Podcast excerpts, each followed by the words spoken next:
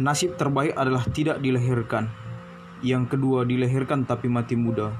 Dan yang tersial adalah umur tua. Rasa-rasanya memang begitu. Bahagialah mereka yang mati muda.